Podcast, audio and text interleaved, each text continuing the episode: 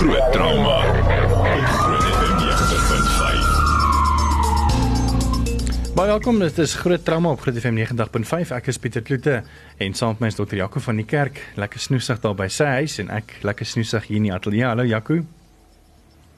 Hi Pieter, goeienaand aan almal wat luister ook. Ja, ons praat vanaand gelukkig nie direk COVID nie, maar ons praat oor PPE en PPE dink ek moet mense net vir die meeste mense sê staan vir personal protective equipment. So dis al die goeders wat wat die wat die gesondheidswerkers nodig het om hulle self te beskerm teen teen die virus.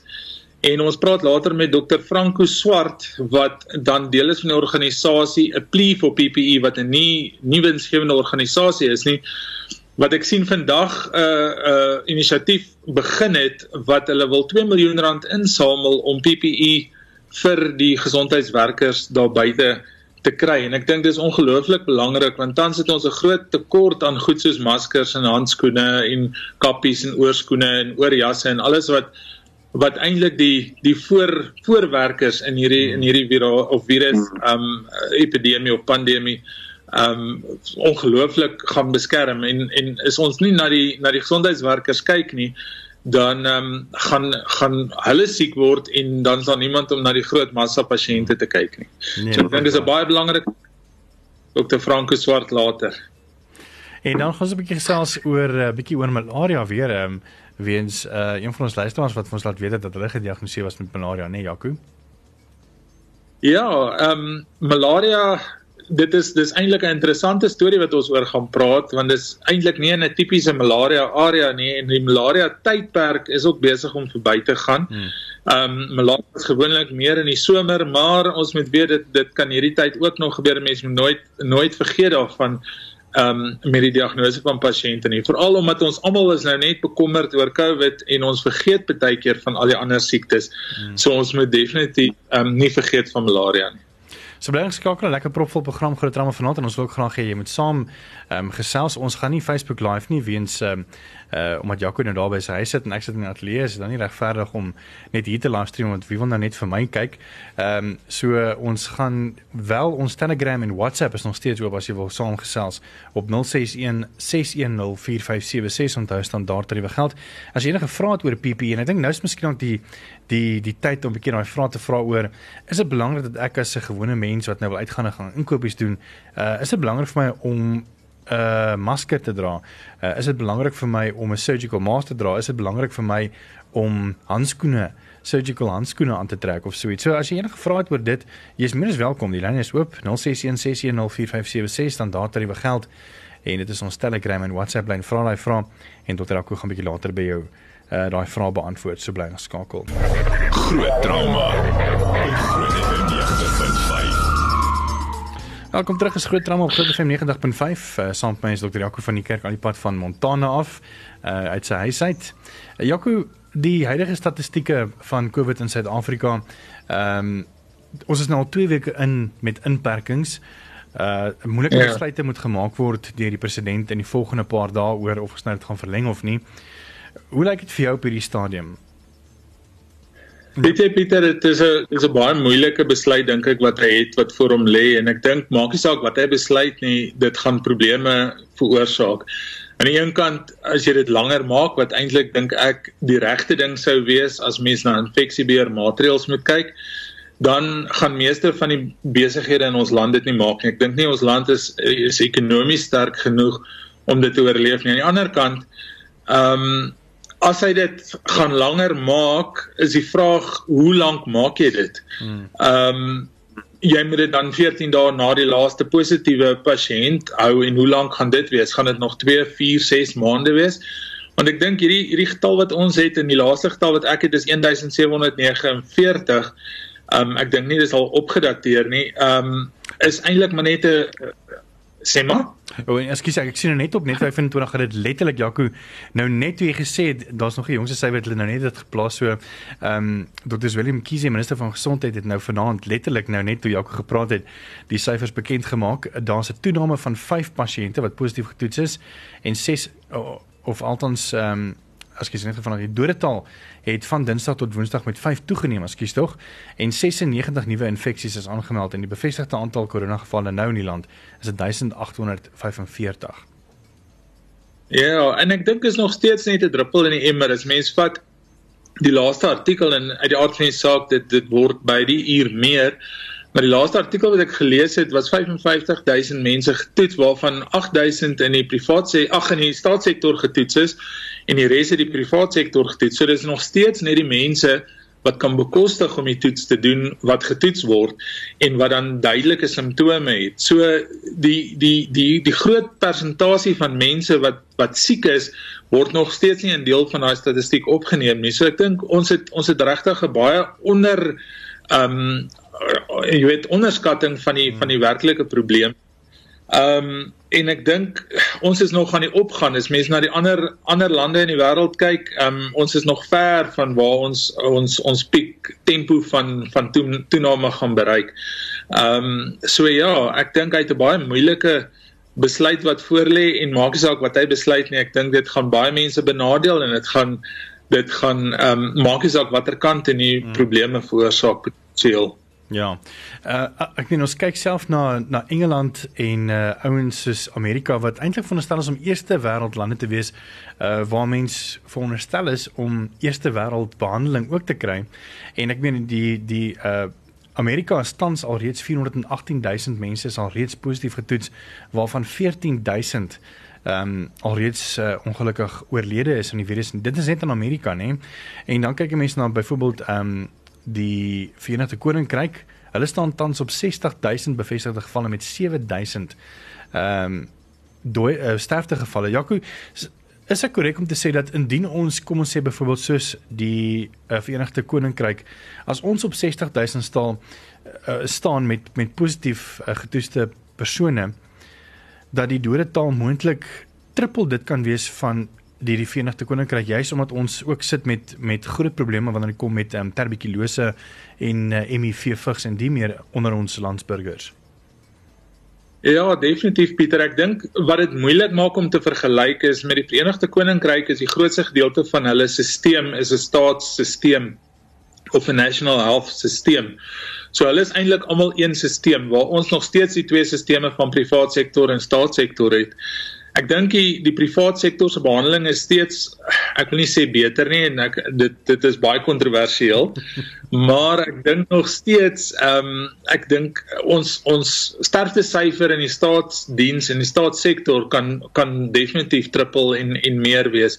En die rede daarvoor is maar omdat die staatssektor oorweldig word deur die aanvraag van deur die pasiënt, jy weet, ehm um, daar's so baie pasiënte vir so min ehm um, eintlik basies uh hulpbronne uh, dat ehm um, ek dink as ons in daai selfde situasie sit, gaan ons 'n groot groot probleem hê en ons sterftesyfer gaan waarskynlik baie hoër wees. Ek dink as 'n mens uh, dink aan die laer sosio-ekonomiese groepe en die groepe waar waar tuberkulose en HIV baie hoog is in terme van van prevalensie, ehm um, gaan 'n mens gaan mense baie hoë sterftesyfers sien ehm um, veral in die staatssektor en ek dink dis 'n ding wat wat ehm um, aan die einde van die dag waarskynlik gaan oorspoel na die privaat sektor toe ook en ehm um, ek het gisteraand op die op die nuus gesien dat hulle sê die die staatssektor gaan waarskynlik van die privaat sektor gebruik maak sou so iets gebeur. Ehm um, wat ek dink ook groot probleme noodwendig daar daar gaan stel. Hmm. Definitief. Ja. Ehm um, ons gesels net nou 'n bietjie verder met uh, eh, Dr Franco Swart. Hy het 'n nuwe inisiatief ehm um, geopen juis om bietjie meer ehm um, PPE uit te kry by die private sektor as ook by die staatsinstellings as op hier daaroor gesels so bly ingeskakel. Onthou as jy enige vrae het 061 610 4576 onthou staan daar terwyl geld en dit, ons is op WhatsApp en Telegram as jy vir ons boodskappe wil stuur so bly ingeskakel. Groot trauma. Groot trauma. Welkom terug Groot Drama Groot FM 90.5. Ehm um, ek gesels uh, met jou by co-host Dr. Jaco van die Kerk wat in Montana is en uh, dit is via Skype en dan het ons ook telefonies vir Dr. Franco Swart op die lyn alipad van Bloemfontein af. Hallo uh, Franco. Goeienaand Pieter, dankie dat ek kan saamgesels. En uh, Dr. Jaco, jy is Goeienaand. Yes. Goeie mense uit Bloemfontein uit. Uh, Franco, kan jy vir Jaco hoor? Ek hoor nie vir Jaco nie, maar kan vir jou hoor Pieter. Okay, maar wat Jaco sê is uh, hy hy sê goeie mense kom daai Bloemfontein uit want uh, Jaco het ook uh, in Bloemfontein studeer. So uh, hy hy's hy so van daai area af. dis dis 'n feit daai hoor. Jaco, ek wil net seker maak jy jy kan vir vir Franco hoor, nê? Nee? Baie mooi hoor ja. OK. Ehm um, Franco net so vinnig 'n bietjie oor ehm um, weet van waar af jy vandaan kom. Uh, jy sê jy het mediese swaar, jy's 'n dokter, maar jy het ook 'n passie vir trauma. Uh, ons gaan 'n bietjie later gesels oor jou projek wat jy saam met ander persone ook doen, ehm um, 'n plea for PPE. Goed. Maar ons wil 'n bietjie bietjie meer oor jou weet, uh, weet hoe jy in emergency of hoe jy 'n belangstelling gekry in eers om om medies te swat en dan oor ehm um, emergency medicine of trauma. Goed, um, ja, ek is nou op hierdie stadium 'n mediese beampte en ek werk in die afgelope paar jaar in noodmedisyne. Ek het in 'n in heelwat noodeenhede gewerk in die land in die staat en die privaat sektor. En die afgelope jare ook vir 'n internasionale maatskappy waar ek oor die wêreld oor skepe gewerk het. En dis nou waar ek my onlangse blootstelling in Asië gehad het. En um, ja oor die algemeen het ek 'n liefde vir snykunde en ook vir vir trauma en vir noodmedisyne. So dis hoekom ek graag hiermee betrokke raak Ehm um, omdat jy nou so oral weer gewerk het oor see en en en lande soos Japan en die meer hoe streng is hulle wanneer dit kom met PPE en PPE vir die wat nie weet nie staan vir personal protective equipment. Dit is nou wat dokters moet dra soos handskoene, maskers en die meer. Ehm um, ja, oor die algemeen. Kom ons sê byvoorbeeld as ons nou COVID-19 uit die kwadraat los vir eers. Ehm um, hoe ja. is PPE en, en die belangrikheid daarvan in ander lande asook in Suid-Afrika in vergelyking? Kyk, so ehm um, dit behoort oral belangrik te wees.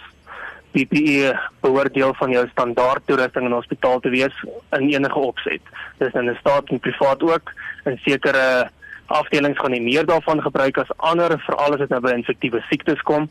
Maar in die eerste wêreld, soos byvoorbeeld in 'n plek as Japan, weet is dit ietsie wat redelik beskikbaar is gewoonlik. Hulle is toegerus en hulle ehm um, beplanning en hulle stelsels is baie goed om hulle mense te beskerm aan die ander kant hierso in Suid-Afrika is dit ook deel van van standaard prosedures en van standaard toerusting en beskerming vir die voorste linie werkers, jy weet die gesondheidswerkers en in alle hospitale. Maar um, op hierdie stadium sit ons definitief met 'n agterstand met in terme van toerusting wat beskikbaar is, maar dit behoort al oral ewe effektief te wees. En uh, wat wat is die belangrikste PPE toerusting daar buite vir dokters, ehm um, susters en die ouens wat regtig nou ja. half in die voorste linies werk? So dat weer eens soos ek nou genoem het, dit hang dit hang af presies in watter opset jy jouself bevind. Mens gaan byvoorbeeld nie as mens in 'n in 'n area net toetsing en screening doen in gemeenskappe dieselfde PPE gebruik as wat jy in 'n ICU gaan gebruik met 'n positiewe pasiënt nie.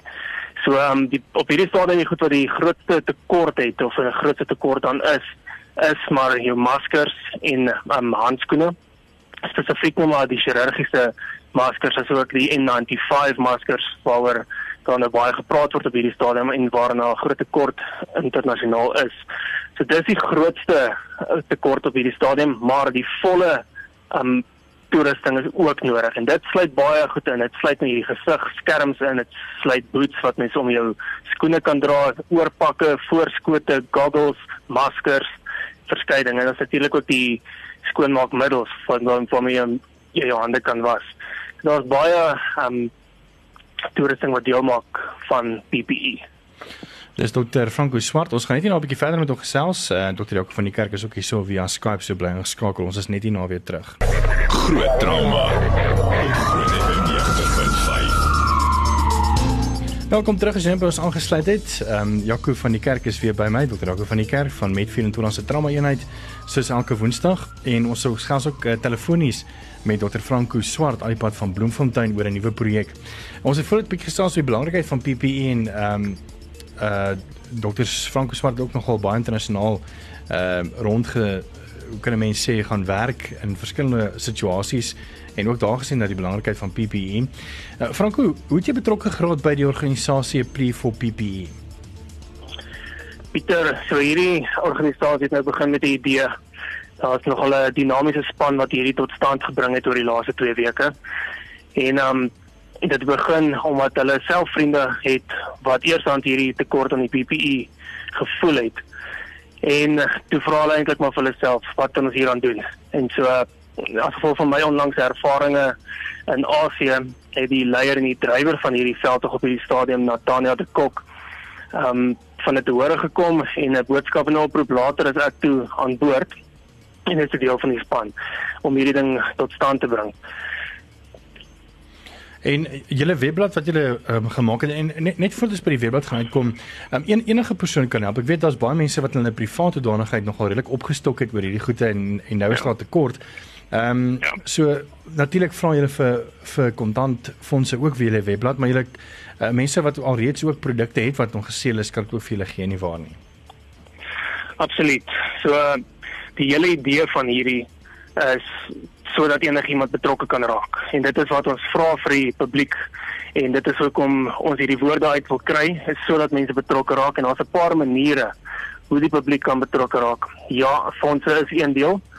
Ehm um, dit is gewoonlik 'n deel want daar's op hierdie stadium eintlik redelik PPE beskikbaar selfs in Suid-Afrika, maar die fondse is nog nie gemobiliseer sodat daai toerusting op die regte plekke uit kan kom nie.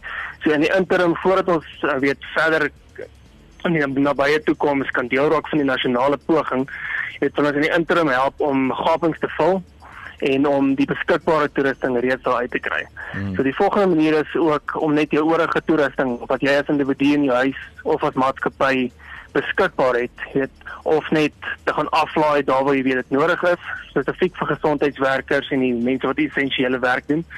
Ehm um, maar ook om ons te laat weet daarvan sodat ons kan help om dit op die regte plek te kry. En dan die verdere die derde groot afdeling van hierdie is vir gesondheidswerkers self. Uh ons het 'n platform geskep op die webwerf pleeforppe.co.za sodat gesondheidswerkers ook hulle versoeke daar kan rig. Um en ons kan laat weet waar hulle is en wat hulle nodig het, het sodat dit op die regte plek kan uitkom. Hmm. So net al webblad weer, dit is a pleeforppe.co.za. Ja. Ehm um, so besoek dit ja, gerus en uh, dit is dan vir alle mediese personeel wat graag wil vra as hulle tekort is dat hulle ehm um, ja. met julle kan kontak kom en ook mense wat graag wil dan van uh, gee. Ek dink dis nou 'n baie goeie tyd om dit te kan doen. Franco baie dankie vir jou tyd en dankie vir dit wat jy doen ehm um, uh in ons tyd van krisis met COVID-19 en alles uh, alles sterkte vorentoe. Pieter en dokter van die kerk baie dankie vir gesels. 100% dis dokter Franco Swart ehm um, alhoewel vir Bloemfontein. Maar webblad weer, dit is www.aplee4ppe.co.za. So dis aplee4ppe.co.za. Besoek dit gerus en ondersteun hulle gerus dan so. Ehm um, ja, kom terug te kom na ehm um, van ons luisteraars se vrae. En net vanaand daar afsit. Ehm um, een van ons luisteraars het gevra en dit is ook nog maar so relevant tot ehm um, PPE of dan personal protective equipment.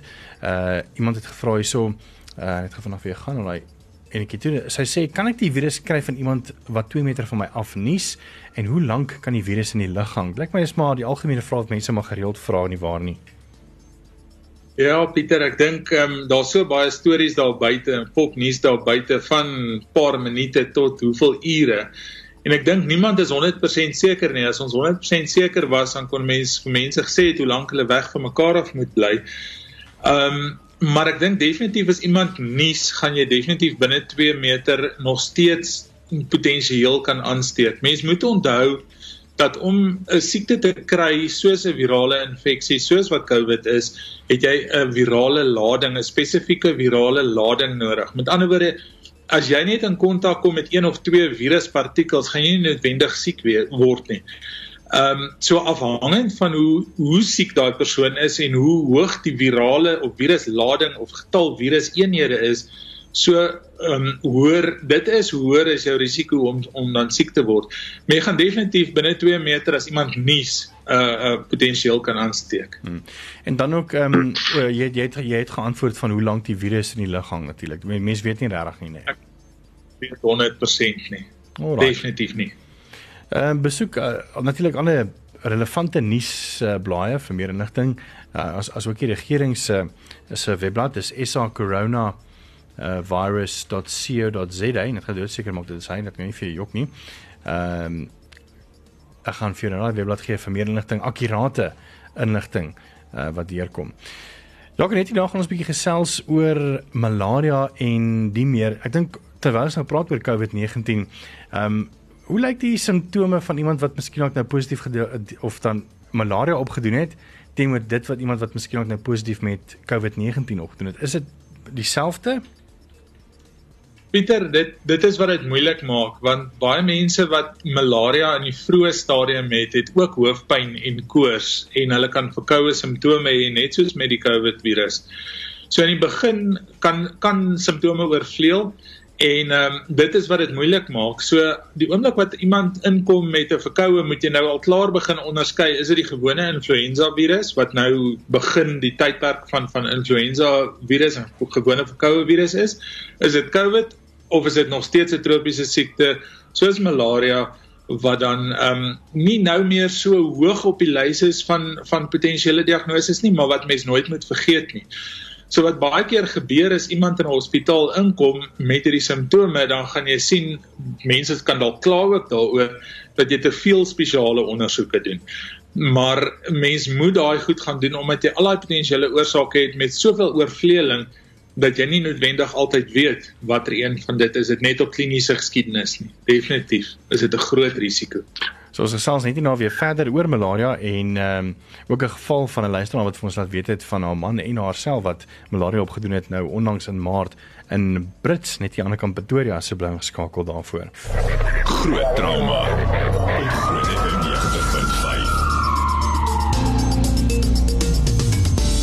Welkom terug is ge groot die, groot trauma op Groot FM 90.5 en ek is Pieter Kloete saam met my is dokter Jaco van die kerk via Skype van Montana af. Ehm um, luister net vir ons 'n baie interessante e-pos gestuur en ek het sommer vir Jaco gevra om vir ons te help 'n bietjie meer hieroor uit te brei, maar sy sê sy voel hierdie is iets baie belangrik wat onder die publiek se aandag gebring moet word. Hulle was op 'n vakansie gewees in Brits uh naby 'n sekere uh plek waar hulle nou 'n bietjie gaan ontspan het. En 2 weke daarna is haar man positief getoets vir malaria. Dit was 7 Maart, Saterdag. Ehm um, hulle vriende se seun Nathan het toe die Maandag ook positief getoets vir malaria, want hy was saam met hulle gewees en die 8de April wat die volgende dag is, ehm um, is die kennis se dogter ook ehm um, wat ongelukkig oorlede is, lyk like dit vir my, van malaria wat nogal baie hartseer is. Jackie het vroeër genoem 'n um, ehm, bietjie die die verskille tussen of of die dit kan lyk asof uh, malaria simptome en COVID-19 eintlik maar amper dieselfde kan uh, kan wees. Maar in hierdie geval, ehm um, is dit normaal vir 'n familie om om om so baie so vinnig so baie onder hulle want ek bedoel malaria is mos nie aansteeklik nie soos COVID-19 nie, nie waar nie? Gelukkig is malaria nie so aansteeklik nie. Maar wat eienaardig is, een dis dis buite Brits. Nou as mens gaan kyk na die na die areas is dit nie regtig 'n malaria area nie. So mens mens wonder al klaar oor hoe daai malaria miskien daar gekom het. Mm. Nou dit is so dat ons in Pretoria malaria kry en daar's verskillende maniere hoe hoe dit um, dan nou gepostuleer word hoe hulle hier uitkom. Dis baie meer eienaardig dat een gesin um deur dieselfde muskiete gebyt word. Jy weet, um dit is dit is regtig nogal uitsonderlik. Um maar ja, dit is nog steeds moontlik en ek dink dit is reg deur die jaar moontlik want ons bly in 'n in 'n warmer streek as wat dit meer meer na die Vrystaat se kant toe is of Johannesburg se kant toe is dit baie koeler. Um en hoe meer jy noord gaan, hoe groter is jou risiko om malaria te kry. Um die feit dat die een persoon dan oorlede is as gevolg van die malaria, mens sien baie keer veral aggressiewe infeksies wat vir jou serebrale malaria of breinmalaria en dan die ou ouer mense sal pra praat van swartwaterkoors of renale malaria wat vir nierversaking gaan gee. Dis maar die twee groot goed wat wat die mense waarskynlik um in die meeste gevalle dan dan laat sterf.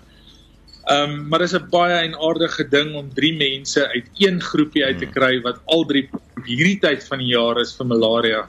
Maar soos soos wat jy weet, in medisyne sê ons altyd niks is onmoontlik nie, jy weet. Um enigiets is altyd moontlik en 'n mens moet altyd maar bedag wees op op elke moontlikheid wat daar kan wees en en ehm um, ja, dit is maar 'n ding wat 'n mens moet bly toets en moet vooruitkyk want as jy nie dit behandel nie, dan eindig dit uit die aard van die saak in 'n baie slegte situasie op. Hmm.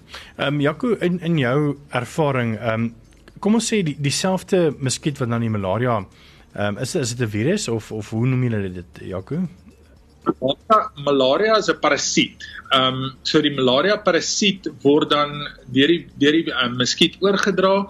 Dit gaan dan deur die lewerstelsel. Dis eintlik 'n redelike komplekse stelsel gekom in die rooi bloedsel.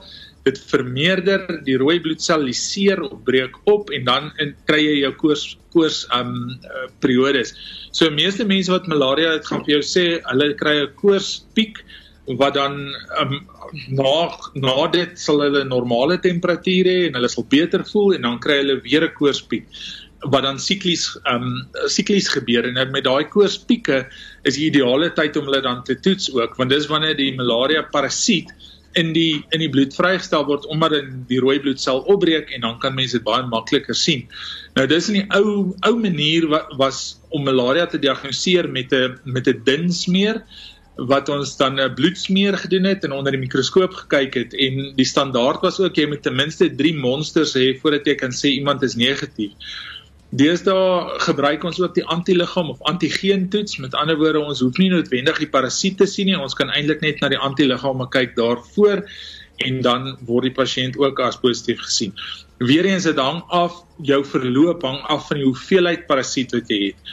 Ehm um, toe ingeswat het het ons gesê 5% en minder ehm um, as 5% of minder van jou rooi selle met die met die malaria parasiet ehm um, beset word, dan kan mens dit met orale behandeling by die huis behandel.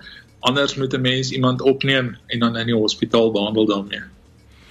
Ja, in jou ervaring nou, uh, kom ons sê dieselfde muskiet steek twee persone. Dit sien noodwendig dat albei dan ehm um, malaria kan kry nie, nie waar nie of is daar die moontlikheid baie sterk dat altyd nog steeds malaria gaan kry?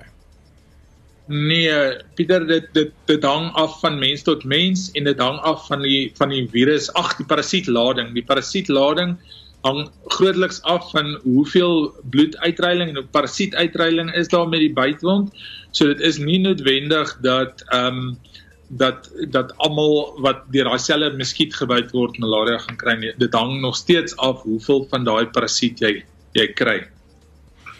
Ja, ek ek ek het gehoop ek ek gaan nie nou weer terug gaan na COVID-19 toe nie, maar dit is relevant en mense het nog steeds vrae daaroor en en die meer. Ehm um, Adri het nog 'n baie interessante vraag. Ehm um, en sy wil weet van sy weet van iemand wat positief getoets is vir COVID-19. Ehm um, hy het nou al vir die laaste 4 weke uh, maar hy het geen simptome daarvoor getoon nie, maar hy het wel positief getoets. Hy was in die FSA en is toe getoets toe in Suid-Afrika aankom en toe net homself ge ek neem aan geself isoleer. Maar hoe, hoe is dit dat party mense glad nie simptome wys nie, maar ander meer? Ja, Pieter, ek dink eh, dit hang van 'n klomp goed af. Dit hang van jou onderliggende siektes af. Dit hang af van weer eens jou jou virale lading. Ehm um, dit hang af van jou ouderdom. Ehm um, so ek dink 'n groot persentasie van mense gaan net dit as 'n verkoue ervaar. Maar ehm um, mense gaan nooit nooit weet nie. Jy weet in die begin het ons gesê net ouer mense en diabetes en asma pasiënte en daai klas van pasiënte wat immuunonderdruk is gaan gaan slegte simptome kry en kyk wat is ons na ons eie statistieke kyk 48 jarige 46 jariges wat wat wat doodgaan so ek dink dit hang van 'n klomp faktore af wat wat ons ook nie almal 100% al al weet nie. En ek dink soos wat tyd aangaan, gaan ons leer dat ons eintlik 'n klomp ehm um, potensiële risikofaktore om komplikasies te kry mis. Ehm um, so ja, daar's mense wat wat daarmee gaan rondloop wat draers is wat ander mense gaan aansteek wat glad nie simptome wys nie. En ehm um, dis wat die gevaar is want jy weet nie daai daai persoon wat jy dit voorgee wat gaan hulle simptome wees nie en hulle uitkoms wees aan die einde van die dag nie. Net gou vinnig, ek weet jy het laas uh of die week van tevore 'n bietjie stil gestaan oor die verskil tussen bakterieë en virusse. Uh maar my vraag aan jou vanaand is nou, wat is die verskil tussen 'n bakterie, 'n virus en 'n parasiet? Soos malaria. Pieter, 'n bakterie is 'n lewende entiteit op sy eie. Hy kan op sy eie lewe, hy groei, hy vermenigvuldig en hy veroorsaak infeksies wat dan met antibiotika behandel kan word. 'n Virus is eintlik 'n entiteit van genetiese materiaal. Met ander woorde, 'n virus leef nie aktief op sy eie buite 'n lewendige sel nie. So die virus het 'n virus het jou liggaam of 'n gasheer nodig, 'n gasheersel nodig om te penetreer en dan kan hy binne in hierdie sel repliseer of vermenigvuldig of vermeerder en dan totdat daai sel dan opbreek en dan die virus vrystel wat dan weer die volgende selle gaan gaan infekteer. So die verskil tussen 'n bakterie en 'n en 'n virus is basies die bakterie leef op sy eie antibiotika werk vir hom afhangend van wat se antibiotika en 'n virus is 'n is 'n net 'n genetiese entiteit wat dan eers aktief binne in 'n sel is. 'n Parasiet is ook 'n lewendige organisme, maar verskil dienoor inkomstig van 'n bakterie dat hulle gewoonlik groter as bakterieë en het gewoonlik 'n lewensiklus van van van van ehm um, wat nie dieselfde organisme is noodwendig heeltyd nie. Jy weet jy kan uh, baie parasiete is larwes en dan ehm um, is dit 'n wurmpie en dan jy weet hy hy gaan deur 'n lewensiklus en jy het daarvoor antiparasitêre middels nodig wat heeltemal 'n ander klas van middel is as wat 'n antibiotika is. Dit som van nogal dit baie baie mooi op. Jaco weer eens, dit was altyd lekker met met jou te gesels. Alles is nou daar so ver by jou huis in Montana. Uh so 15 klip gooi van waar ek nou sit. Ehm um, en ek sien net om volgende week weer 'n bietjie met jou te gesels en dan hopelik binnekort eendag weer weer 'n bietjie jou in die ateljee hê sal lekker wees. Baie dankie Pieter. Sien uit daarna. Dis dokter Jaco van die kerk, hy's van Met 24 se trauma eenheid, 'n direkteur daarso en het ook sy eie praktyk en hy's ook nou al ou hand as mede-aanbieder saam met my op groot trauma. Uh hierdie pot gooi van ons, as jy belangstel om dit weer te luister, sal op ons webblad wees so hopelik teen die einde van die week. Dis dit vir my van Piet of valt ons vir groot trauma vanaand. Um ek en jy keer môre oggend weer tussen 5 en 6.